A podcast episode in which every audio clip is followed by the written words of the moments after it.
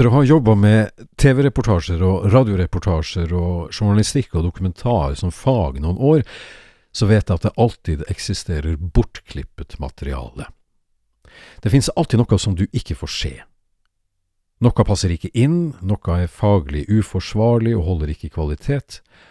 Andre scener er journalistisk uetisk å vise. Ikke ulikt det vi fikk vite i dag, nemlig at det sitter trollfabrikker rundt omkring og fabrikkerer nyheter, ganske tilsynelatende nyheter, for å få oss til å bite på. Og heller ikke ulikt den videoen som sirkulerte for noen år siden, der mannen til den daværende finske presidenten, en viss herr Pentti Arajärvi, kikker på utringningen til kronprinsesse Mary under gallamiddagen for dronning Margrethe. Riktig så fornøyelig var det. Det var bare én hake ved det hele, viste det seg. Filmsnutten, den var manipulert. Åtte minutter var klippet vekk, og lydbildet var redigert av en såkalt satireredaksjon i dansk fjernsyn, slik at det skulle illudere kontinuitet. Dette er det profesjonelle folk som driver med.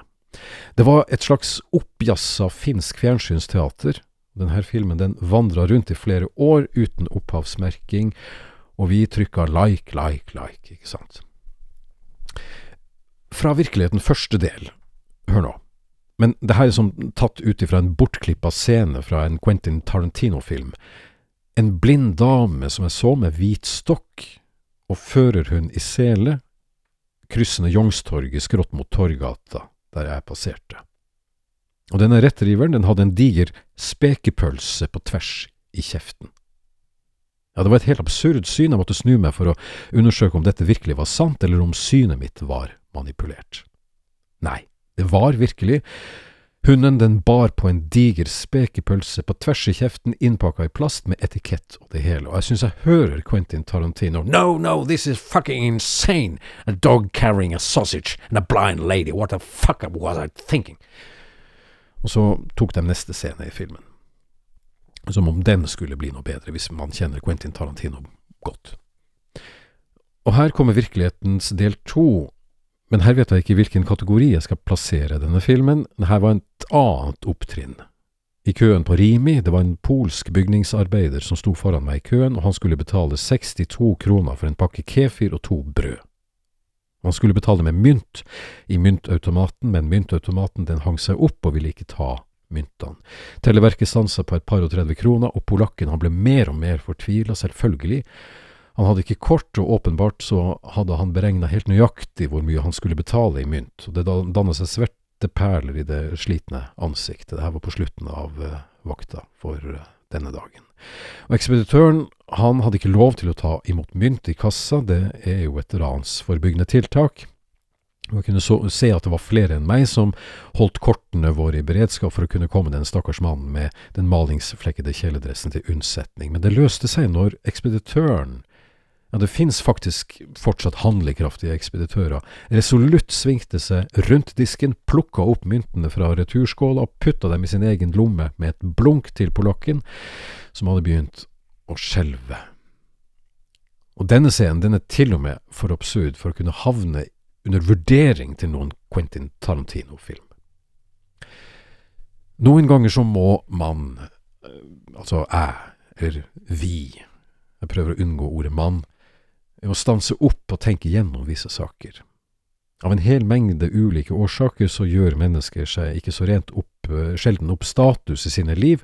Jeg tenker på flere, ikke bare meg, men blant andre en opptikker som levde i den finske byen Rantape. Og hvis dere virkelig vil ha finsk fjernsynsteater, så skal dere få det. Fjernsynsteatret viser Oppgjør i Rantape.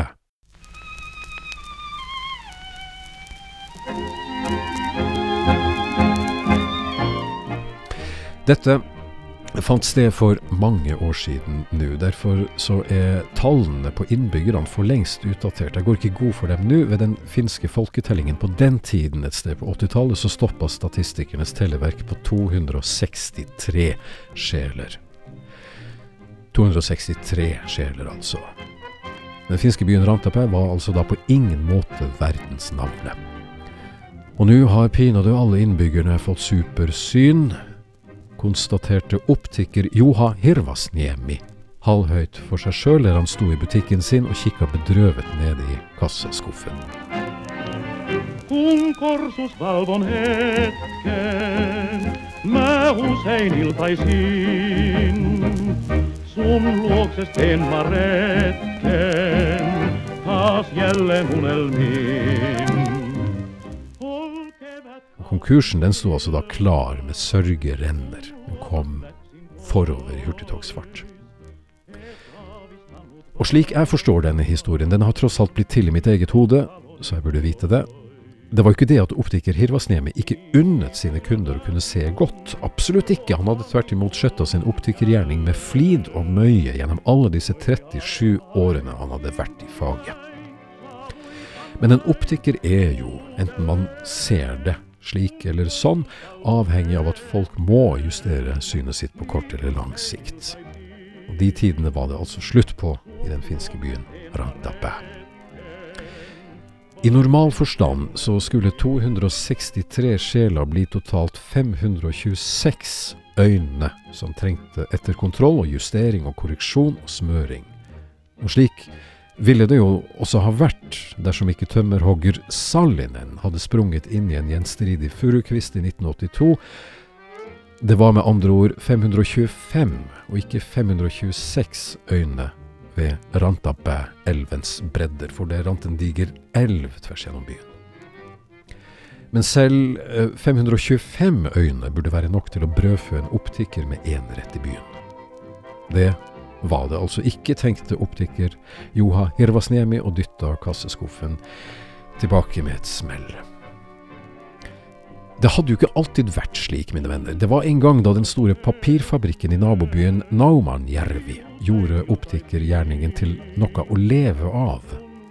Daglig så kom det maskinister og papirskjærere og kontorfolk til butikken for å handle eller for å la seg kontrollere. Og det hendte støttestadig at en papirrullskjærer måtte innom til synskontroll, fordi direktøren på fabrikken mente at rullene ble stadig kortere og mindre, og det skulle han altså da ikke ha noe av. Ja, det hendte jo til og med at direktøren sjøl tok turen til optikeren fordi han mente at han så røde tall på høylysdag, og han kom inn i butikken og ropte Sett meg i stolen, Hirvasniemi, jeg vil se bunnlinjen, pleide han å rope når han entra lokalet med frostdekket mårskinnspels. Men tider skulle komme. Det var vi noe med en stigende og plagsom vrangvilje i markedet mot bleket og ferskt papir. Ja, det her kan dere jo spørre Fredrik Hauge om, hvis dere ikke tror meg. En dag så hadde en underkomité i den finske riksdagen mumlende måttet legge særavgifter på godt gammeldags papir. Miljøkrav, ble det sagt. Tidens nye miljøkrav. Og året etter måtte direktøren innkalle til allmøte, der han sa det er slutt. Velsigne dere alle sammen, og takk for alle disse årene i det hvite papirets tjeneste, sa han gråtkvalt og trakk på seg mårskinnspelsen og forlot fabrikken sin med skjelvende underleppe. Siste papirrull var skipa ut. Arbeiderne dro med rutebussen sørover, og optiker Hirvasniemi han ble sittende tilbake med 58 esker brilleinnfatninger og tre års forbruk av kontaktlinser, styrke minus fire og minus fem. For det var nemlig de styrkene det gikk mest av. Nå for tida så var det de gjenværende innbyggerne som optiker Hirvasniemi ikke greide å forstå seg på. Han hadde ligget våken om nettene og tenkt på langsynthet. Ja, for at de fleste av innbyggerne i Rantape hadde for lengst gått over i, det finske folkepensjonsfondets utbetalingsregister, noe som skulle bety at sjøl den mest skarpsynte snart måtte ha briller på plussida. Men nei. Og sjøl den enøyde tømmerhogger Salinen, som jeg nevnte i stad, burde kommet innom. Optiker Hirvasnemi hadde til og med spurt etter innkjøpspris på monokkel fra et antikvariat i Sverige, og for egen del lagt på en mindre provisjon. Men nei. Sallinen hadde hugget fortsatt sine furulegger med stø hånd, og de eneste gangene han så dobbelt, det var under juletrefesten, og det var ikke optiker Hirvasnemis bord, lensmannens. Denne dagen jeg snakker om, så hadde optikeren notert ett eneste navn i avtaleboka, for så vidt den eneste avtalen i det halvåret, fru Lervinen. Hun hadde klaget over løse brillestenger og hadde dårlige ben, og nå måtte de strammes. altså brillestengene. Og denne dagen klokken 15 skulle hun komme, og det dundra en tømmerbil forbi utenfor. Snart sitter jeg her alene på en snauhogd slette som en turistattraksjon, den ulykksalige optikeren i Rantape, tenkte Hirbasniemi og bråvåkna fra sine mismodige tanker da det klang i dørklokken. God dag og signe været, det er frostrøyk over Rantape-elven i dag, sa fru Lervinen og humpet inn med plasthofter og hikkoristokk. Hyggelig, fru Lervinen, jeg greide akkurat å få plass til dem i avtaleboken, smilte optikeren og lukka boken diskré. Ja, det var disse brillestengene, de slarker når jeg går, og, å, hoftene mine, å, min skaper. Ja, slarker hoftene også? Nei, nei, de er formstøpt i Sveits. Å ja, ja, slik sett, sa optikeren, i Sveits, ja. Ja, svarte Hyrvasniemi og løftet brillene av fru Lervinens nese. Um, forresten, hvor lenge siden er det at de var her på kontroll? fortsatte han. Og fru Lervinen spisset munnen. Ja, det vet vel de like godt som jeg, det var på høstparten i 1979. Ja, nettopp, svarte Hirvasniemi og vinket henne inn på kontoret. Nå tenker jeg at vi tar en kontroll for sikkerhets skyld, frue. Ja, er det virkelig nødvendig, hva skal det tjene til, og hva skal det så koste? spurte fruen og slepte seg vuggende etter ham. Fru Lervinen, min yrkesstolthet sier et definitivt ja, og dette skal jeg spandere, svarte optikeren, bukserte damen på plass i stolen og satte apparatet på nesen hennes. Min svigersønn sier at det er meget å finne i byen for tiden, han kjøpte nettopp sine briller der, sa fru Lervinen og myste. Jaha, jaså, sier han det? Og det sier han, sier de. Ja, men jeg er skeptisk. Det er de med rette, frue. La oss nå se, eller rettere sagt, nå er det de som skal se, sa Hirbasniemi og skrudde glassene på fruens nese fram til pluss åtte. Ser de den nederste linjen på plakaten nå? Hirvasnemi, jeg ser knapt den øverste, svarte fru Lervinen og tørket nesen. Det var vel det jeg tenkte meg, mumlet optikeren. Han tenkte seg om et øyeblikk til. Det pustet frost langs vinduskarmene. Dette var nemlig den styrken de har i dag, løy Hirvasniemi. Virkelig, utbrøt fruen og stappet lommetørkleet i kåpelommen, og jeg som trodde at det tidvis bare var frostrøyken ute og snø på TV-apparatet inne. Ja, det er det alle tror, frue, svarte optikeren og skrudde prøveglassene diskré til styrke null. Neimen, Snemi, nå ser jeg strålende klart, jublet fru Lervinen opprømt.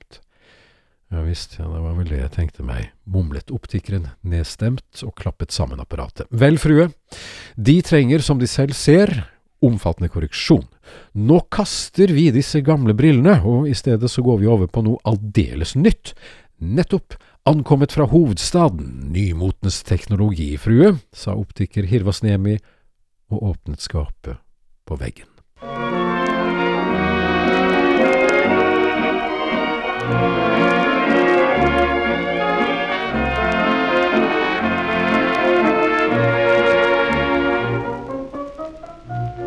Seinere den ettermiddagen ved kjøkkenbordet mente fru Lervinen at hun kunne se optiker Joha Hirvasnemi stige inn på sørgående rutebuss med en koffert i hånden. Men hun kunne jo ikke vite det helt sikkert, for frostrøyken lå uvanlig tett langs Rantapæ-elvens bredder, konstaterte hun gjennom første dagspakning av sin tre års beholdning av kontaktlinser, styrke minus fire og minus fem og TV-apparatet hadde hun kastet til hundene. Det syns jeg ikke er det minste merkelig, for har man sett ett finsk fjernsynsteater, så har man sett dem alle. Uskonen niitä nähdämme voi, mut.